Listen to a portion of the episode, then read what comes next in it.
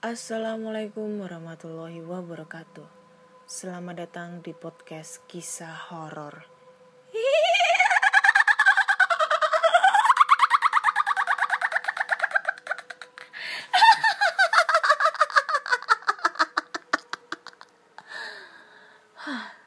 Masih bersama dengan Anda di sini akan membacakan cerita horor ataupun email berhantu dari teman-teman semua melalui podcast kisah horor at gmail.com uh, ataupun di DM Instagram podcast kisah horor dan DM Instagram Ana Olive. Hoi.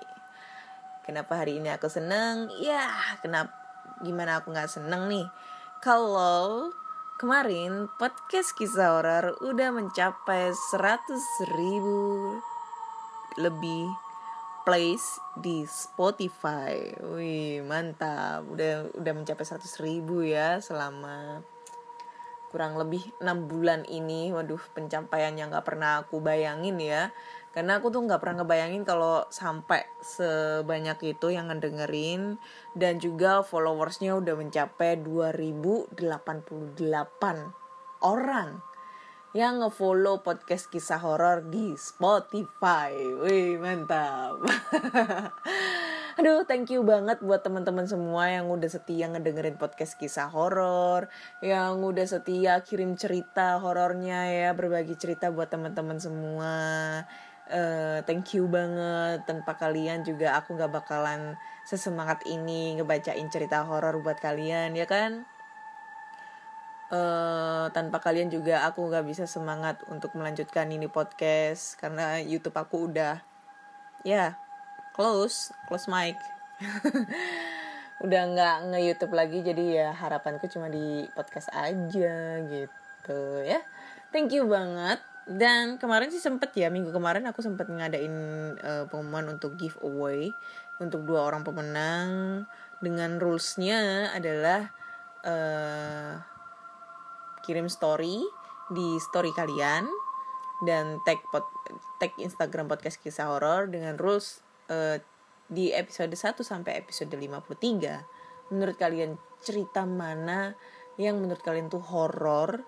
Dan cerita mana yang menurut kalian itu biasa aja beserta alasannya? Dan aku pikir dari uh, cerita alasannya menarik itu akan aku jadiin sebagai pemenang. Tapi ada tapinya. Karena gak ada yang uh, bikin apa ya? Bikin rules tersebut di Instagram aku. Anjim lah sepi banget ya Instagram aku. Masa di followers di Spotify 2000 followers Instagram cuma 100 gitu kan? Dan mungkin gak ada yang minat kali ya untuk uh, aku ngadain giveaway. Jadi untuk giveaway-nya aku rubah nih. Aku rubah dan aku akan kasih kepada orang uh, teman-teman horor semua yang sudah kirim cerita di podcast kisah horor dan aku pilih dua cerita yang menurut aku itu horor banget. Dan yang menang, yang kepilih nanti akan mendapatkan saldo GoPay sebesar 100 ribu rupiah ya untuk satu orang pemenang. Jadi ada 200 ribu rupiah saldo GoPay untuk dua orang pemenang gitu ya. Tapi untuk kalian yang sudah kirim-kirim cerita-cerita yang lainnya jangan berkecil hati. Nanti pasti ada giveaway-giveaway yang lainnya ya. Jadi kirim-kirim cerita terus, kirim cerita horor kalian, jangan lupa uh, repost terus ke Instagram. Jangan lupa follow Instagram aku loh. Masa iya ngedengerin ngefollow di Spotify nggak mau ngefollow di Instagram aku sih? Jahat banget kalian. Ngemis ngemis followers guys. Hei. Oke oke oke. Langsung aja kita uh, ke cerita ya. Langsung cerita pertama ini datang dari DM Instagram. Kita cek DM Instagram. Karena banyak banget yang belum aku bacain. Oke, ini ada dari Mas siapa ini namanya? Ini dulu pernah kirim cerita nih. Oh, ini channel di sini aja yang Mas yang Mas Anwar ya, Anwar Moza yang dia kerja di stasiun TV. Bentar.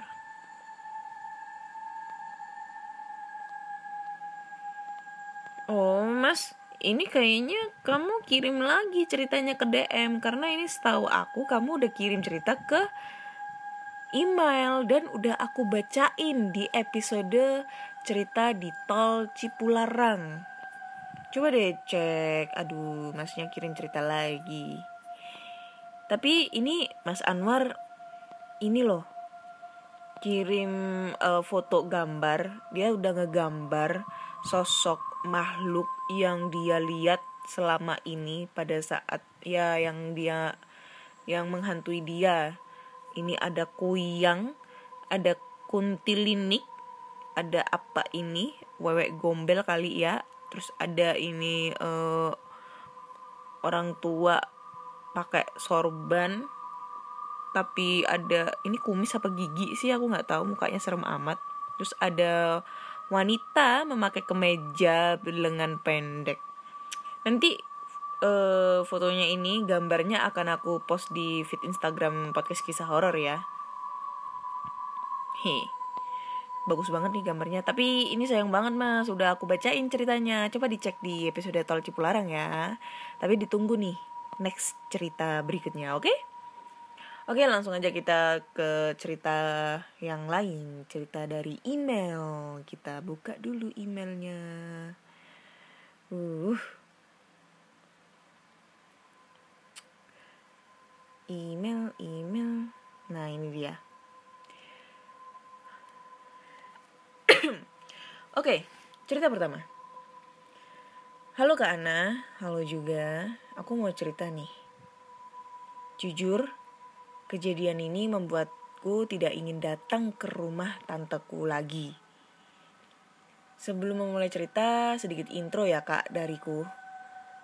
Zaman sekarang, perempuan sudah tidak lagi identik dengan kegiatan yang bersifat feminim, memasak, menari, atau bahkan menjahit. Bukan lagi kegiatan yang wajib digandrungi lagi oleh para wanita. Hmm, juga sih ya. Malah sekarang mereka lebih sibuk dengan hal-hal yang mereka sukai. Aku sendiri memiliki sebuah hobi yang menurutku cukup unik Oke, perkenalan dulu ya kak. E, namaku Siska. Dan aku tuh sangat ngefans banget dengan film Star Wars. Hobiku ini adalah mengoleksi seluruh benda yang berkaitan dengan film itu kak. Aku juga bergabung dengan komunitas pencinta film Star Wars dan mengikuti berbagai kegiatannya. Kegiatan terakhir yang aku ikuti adalah sebuah pameran besar Star Wars yang baru saja digelar di Jakarta. Tanpa aku duga, kegiatan tersebut membawa aku ke sebuah pengalaman mistis yang mengerikan. Biasanya semua cerita hantu berawal di malam hari. Namun, Kejadian ini terjadi saat matahari tepat berada di atas kepala. Hari itu sangat panas dan cerah. Aku beserta teman-teman dari komunitasku sedang bersiap-siap untuk membuat sebuah model pesawat angkasa dari Star Wars. Sebelum berangkat ke Jakarta, kami semua membawa peralatan yang sudah kami siapkan. Aduh, batuk. Pada kesempatan itu, aku berpikir untuk membuat sebuah pesawat angkasa. Jadi, aku mencari bahan-bahan yang dibutuhkan untuk membuat jok pesawat. Bahkan, aku harus mencari tukang jahit jok. Mungkin kedengarannya sepele, tetapi sebenarnya tugasku ini sangat penting. Kami semua sepakat untuk mengumpulkannya di base camp Setelah membawa semua bahan yang sudah aku dapatkan, ternyata ada sebuah bahan yang terlupakan olehku dan aku bingung harus cari ke mana. Karena kalau beli pasti tidak akan terpakai semua. Dan setelah mencari ke mana-mana, akhirnya kabar baik datang dari tanteku. Kebetulan dia adalah seorang penjahit. Oke. Okay ada yang ketok-ketok tembok aku anjing nggak usah lah kemarin ada yang nangis ada yang ketawa sekarang ketok-ketok anjing lah oke oke, oke lanjut ya Uh, nyampe mana tadi? Oke ini. Kata tante, dia punya banyak sekali sisa busa di rumahnya. Dia menyuruhku untuk mengambil busa sebanyak yang aku mau. Tapi dia memintaku untuk mengambil di rumahnya. Tanpa membuang waktu, aku langsung pergi ke rumah tante. Aku pun mengendarai mobilku menuju sebuah perumahan di daerah Marga Cinta. Sesampainya di sana, aku melihat banyak anak-anak sedang bermain di taman. Aku parkir di depan yang berada dekat dengan gang kecil. Gang itu dihalangi oleh sebuah pagar kecil dan sudah tua. Aku harus masuk gang itu supaya bisa masuk ke dalam rumahnya. Padahal, eh, aku membuka pagar dan disambut dengan suara decitan pintu pagar. Hawa dingin langsung berhembus di depan rumahnya. Aneh, padahal matahari lagi panas-panasnya. Tapi kenapa hawanya mendadak berubah menjadi dingin? Beberapa kali aku memanggil, namun tidak ada tanda-tanda orang di dalam rumah. Tidak ada yang menyambutku ataupun menyambut dari dalam rumah. Aku berjalan menuju jendela sambil memanggil ke dalam rumah. Aku pun mengintip lewat jendela. Dari balik jendela, aku dapat melihat interior rumah. Walaupun jendela itu gelap, tetapi cahaya lampu yang dinyalakan membuatku bisa melihat ke dalam rumah. Sekarang aku yakin ada seseorang di dalam sana. Tadi saat aku melihat ke ujung ruangan, aku melihat sebuah bayangan bergerak. Tapi kenapa dia hanya berdiam diri di sana? Aku memanggil lagi tanteku sambil menggedor kaca jendela. Tante Mira, ini Siska. Aku coba ke arah depan rumah untuk mengetuk pintu dari depan. Mungkin tante tidak mendengarku dari jendela barusan. Aku coba mengetuk pintu lagi sambil melihat ke arah bayangan hitam itu. Astaga, ketika aku lihat, ternyata sosok bayangan hitam itu bukanlah tante. Sosok itu sangat mengerikan. Seluruh tubuhnya hitam dan dia membelakangiku. Aku diam terpaku, menatap ke arah sosok hitam itu. Tiba-tiba dia menggerakkan kepalanya dan menatap ke arahku. Terlihat hanya sebuah mata putih dan dia terus tersenyum menyeringai kepadaku. Tanpa pikir panjang lagi, aku perlahan mundur dari pintu. Tiba-tiba ketika aku membalikan badan dan akan pergi dari rumah tante, sosok itu kini berada di depanku.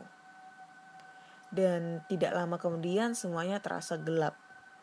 Lalu aku pun terjatuh, tidak sadarkan diri. Ketika terbangun, aku sudah berada di sebuah kamar dan terlihat ada seseorang di depanku. Ternyata itu tanteku apa tadi di belakang anjing aku pun langsung memeluk tante dan menceritakan kejadian menyeramkan tadi Akhirnya tanteku memberitahu bahwa sosok itu adalah pembantunya yang telah meninggal akibat kebakaran yang terjadi saat pembantunya pulang kampung. Anjing lah. Tante pun tidak mengetahui kenapa arwahnya masih ada di sini. Namun, apa anjing nggak usah bersuara. Anjir lah gue parno.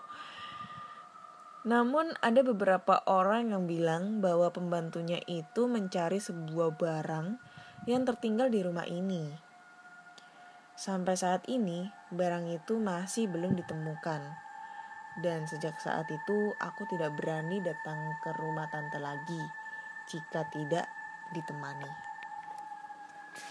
Oke, cerita pertama datang dari Siska ya tentang menceritakan tentang uh, dia melihat sosok makhluk astral ataupun mungkin arwah dari pembantu tantenya yang meninggal karena kebakaran pada saat pulang kampung ya.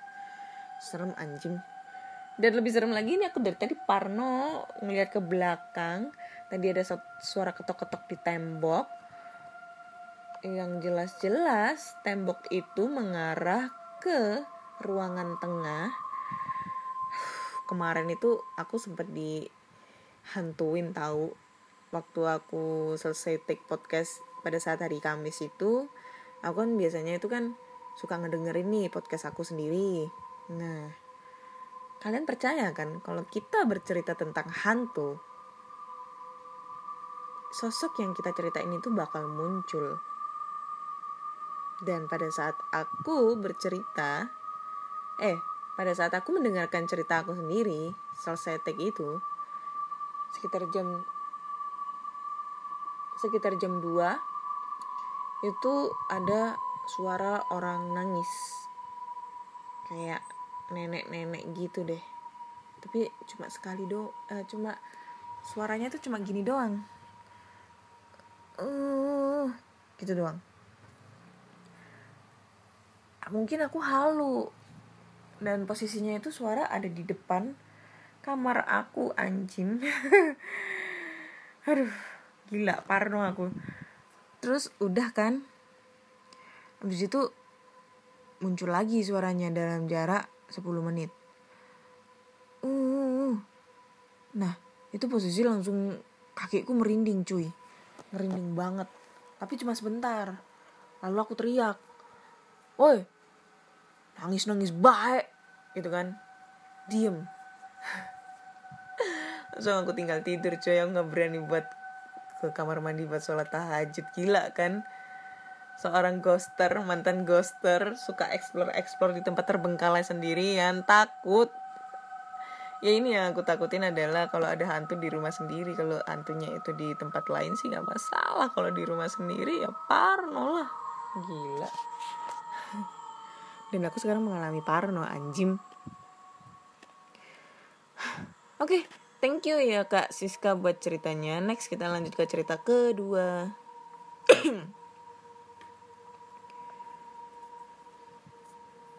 Ini cerita udah aku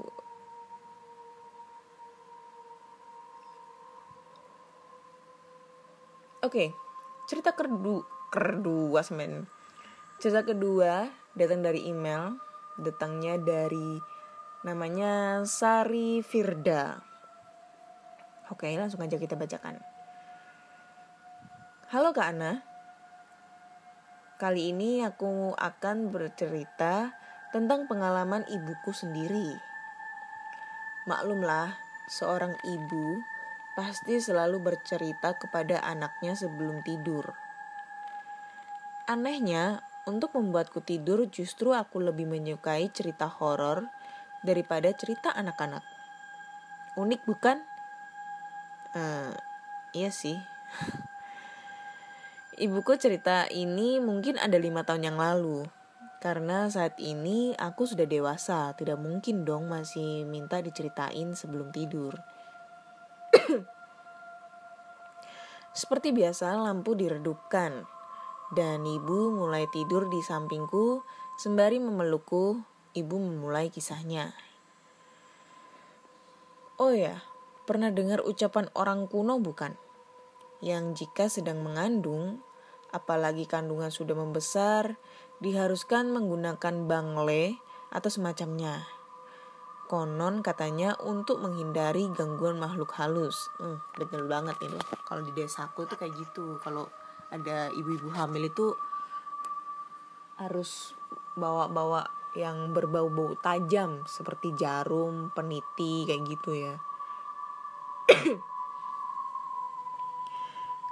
Tak mengindahkan ucapan orang tua, Kak Lia yang sedang hamil tua selalu tidak percaya hal tersebut sambil menjawab dengan kata-kata. Zaman udah modern, Bu. Setannya pada dugem. Candanya. Mulailah memasuki usia kandungan 8 bulan. Kejadian demi kejadian dialami ibuku yang selalu menjaga kakak. Mulai dari kuntilanak yang selalu mencoba menyentuh kakak, hingga suara tawa perempuan cekikikan tiap malam. Tapi anehnya kakakku justru tidak merasakan apa-apa. Kejadiannya sebenarnya terjadi ketika Kak Lia melahirkan di salah satu rumah sakit di, di bilangan Jakarta Utara. Dia melahirkan pada malam hari pukul 11 waktu Indonesia Barat dengan ditemani suaminya. Kebetulan suami Kak Lia ini seorang yang taat agama sekali. Namanya Ustadz Abu Hasan.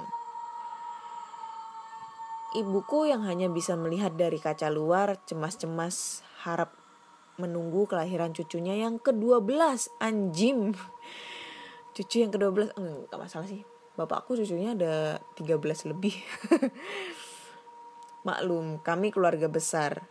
Aku sendiri bungsu dari 11 bersaudara, anjing kesebelasan sepak bola ini udah klop ini mah. Alhamdulillah proses berjalan lancar. Anaknya diberi nama Ahmad Muhammad Usman. Ada yang ganjil. Entah kenapa ibuku melihat kakak iparku tersebut selalu beristighfar dan menendang ke sudut jendela tempat ibuku berdiam diri. Setelah semuanya selesai, tiba-tiba kakak iparku bertanya kepada ibuku. Ibu gak apa-apa kan? Ibuku juga seorang yang bisa merasakan hal gaib. Lem, lempuh Yuni kata Sunda mah. Iya gak apa-apa kok. Ibu tahu ada makhluk tinggi besar kan di samping ibu? Lalu kakak iparku mengiyakan. Eh gimana gimana? Oh gitu. Gak tau lah. Waktu terus berja berlalu semakin larut. Kini giliran ibuku yang menjaga Kak Lia karena suaminya harus pulang mengambil keperluan dan besok pagi datang lagi. Orang melahirkan pasti mengeluarkan banyak sekali darah kan? Dan dengan sembrono, ibuku menyuci pakaian selimut, dan apa pun itu yang terkena darah di WC rumah sakit. Bau darah yang amis sudah pasti mengundang banyak makhluk halus datang. Tapi ibuku tak memperdulikan. Saat sedang konsen mencuci, mencuci tiba-tiba ibu merasakan hawa yang sangat dingin sekali menyergapnya. Tangisan suara perempuan jelas sekali seperti merintih. Ada pula yang tertawa cekikikan. Yang lebih membuat ibuku takut justru ada banyaknya rambut bertebaran di mana-mana serta bau busuk menyengat. Ibuku memutuskan berhenti lalu keluar dari WC belum sampai eh belum sampai bangun. Oh, lalu keluar dari WC. Belum sampai bangun dengan posisi setengah duduk, ibuku merasa tubuhnya berat sekali, namun sebisanya ia berdoa memohon perlindungan Allah. Setelah sampai ke Kak Lia, ibu istirahat di sofa seberang ranjang kakak. kakak justru jadi ketakutan. Ia gemetar. kakak kali ini melihat jelas ada sosok hitam pekat dan besar. Dua perempuan berbaju putih, serta ada sosok perempuan lain yang payudaranya menggelayut begitu besar dengan wajah yang begitu menyeramkan. Anjim, wewek gombel anjim. Semua sosok itu seolah sedang mengajak bermain anaknya yang disimpan di salah satu tempat tidur bayi di rumah sakit. Sontak ibuku yang juga melihat kejadian itu terkejut dan lalu membacakan doa. Bukannya pergi, justru makhluk-makhluk tersebut marah hingga banyak barang yang berjatuhan disertai dengan gelak tawa yang mengerikan. Dan yang tak terduga, Kejadian tersebut membawa maut keponakanku. Di pagi hari tiba-tiba saja keponakanku sekujur tubuhnya membiru hingga dinyatakan meninggal. Innalillahi Ini kisah nyata keluargaku, Kak. Terima kasih sudah dibacakan. Next akan aku ceritakan lagi cerita tentang pengalaman horor ibuku. Gila. Sampai segitunya ya ini sih sebenarnya ya ya percaya nggak percaya ya mitos ya entah mitos entah nyata fakta aku juga nggak tahu tapi kebanyakan kalau di kepercayaan orang Jawa itu memang kalau misalnya ada wanita yang sedang hamil besar itu dianjurkan membawa ya pokoknya ditaruh di dompet kayak atau di diselipin di baju gitu kayak peniti ataupun jarum pentul gitu atau mungkin gunting lipat ditaruh di bawah bantal kalau lagi tidur. Itu fungsinya katanya untuk supaya makhluk-makhluk halus terutama mbak kuns ataupun mungkin uh, makhluk uh, apa ya yang pokoknya orang yang orang ya yang berilmu ilmu hitam gitu yang kayak contoh kayak kuyang dan lain-lain gitu kan yang mencari ilmu mencari kumbal gitu itu nggak akan mendatangi kayak gitu. Dan si kakaknya ini kakaknya si Sari ini dia tuh kayak menge apa ya aduh bu ini mah zaman udah modern setan mah udah pada dugem kali nggak nggak level untuk main-main peniti gitu. Dan ternyata yang ditakutkan oleh ibunya itu terjadi sama kakaknya sama anaknya ya. Jadi cucunya meninggal gitu di keesokan harinya. Uh gila. Apalagi di rumah sakit. Serem anjir. Aku udah bolak balik ngerasain tidur di rumah sakit gila. Serem tapi aku suka uji nyali di sana apalagi nyari nyari yang namanya kamar jenazah penasaran cuy Oke, okay, thank you ya Kak Sari Firda buat ceritanya. Ini lumayan lah, lumayan serem ya. Next kita cerita ke cerita selanjutnya ya. Cerita terakhir, cerita ketiga. Oke. Okay. Cerita kali ini datang dari Ajang Rohmana. Halo. Uh, kejadian kejadian ini bukan karangan ya kak tapi memang beneran aku alami sendiri. Cerita ini terjadi waktu aku masih duduk di kelas 2 SMA sekitar 16 tahun lalu. Anjim, 16 tahun lalu, senior nih. aku uh, 14 tahun 14 tahun yang lalu, 5 13 tahun yang lalu kelas 2 ya. Jadi ceritanya waktu SMA Aku termasuk anak yang paling seneng ikut kegiatan ekstrakurikuler. Dan waktu itu aku ikutan tiga kegiatan ekstrakurikuler, yaitu pramuka, taekwondo, sama rohis, rohani Islam. Kejadian serem ini aku alami pada saat mengikuti kegiatan rohis. Waktu itu ada kegiatan penerimaan anggota baru rohis.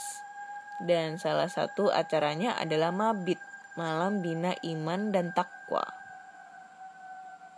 Kegiatannya dilakukan pada saat malam hari, yaitu pada hari Sabtu dan Minggu. Sedangkan acara mabitnya dilakukan pada malam Minggu. Alhamdulillah semua kegiatan berjalan lancar. Tapi ada kejadian menyeramkan pada malam harinya. Setelah acara mabit pada malam itu selesai, anak-anak langsung disuruh tidur di ruang yang sudah disediakan, yaitu di ruang kelas yang kita ubah untuk sementara, seperti ruang kamar di asrama. Sedangkan anak-anak senior kelas 2 dan 3 yang cewek tidur di markas rohis, kami, dan bagi yang cowok tidur di masjid. Entah mengapa ketika waktu menunjukkan pukul 1 pagi, Aku tiba-tiba aja terbangun karena pingin buang air besar. Ya udah, aku bangun nih. Terus aku lihat anak-anak udah tertidur dengan pulasnya. Tapi ada yang aneh. Kalau anak-anak yang lain tidur menggunakan sarung, namun ada seorang anak berada di paling ujung tertidur menggunakan seperti mukena berwarna putih. Dia tidur ngebelakangi aku. Aku pikir dia mungkin ke kehabisan sarung dan aku nggak perhatiin dia lagi dia lagi dan berangkat ke WC. Besok paginya aku tanya anak-anak, lu lihat gak di mana anak yang semalam tidurnya pakai mukena? Kalau nggak salah, waktu itu anak cowok kelas 2 dan 3. Semuanya ada 15 orang termasuk saya. Tapi saya hitung waktu malam ada 16 termasuk saya.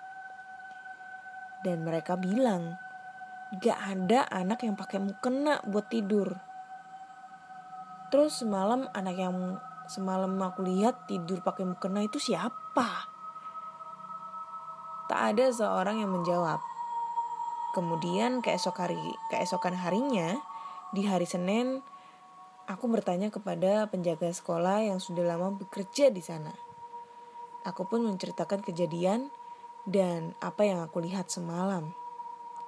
Dan dia pun menjawab, mungkin jin penunggu masjid dan dia mungkin tertarik dengan kegiatan yang sedang dilakukan. Oke. Cerita habis.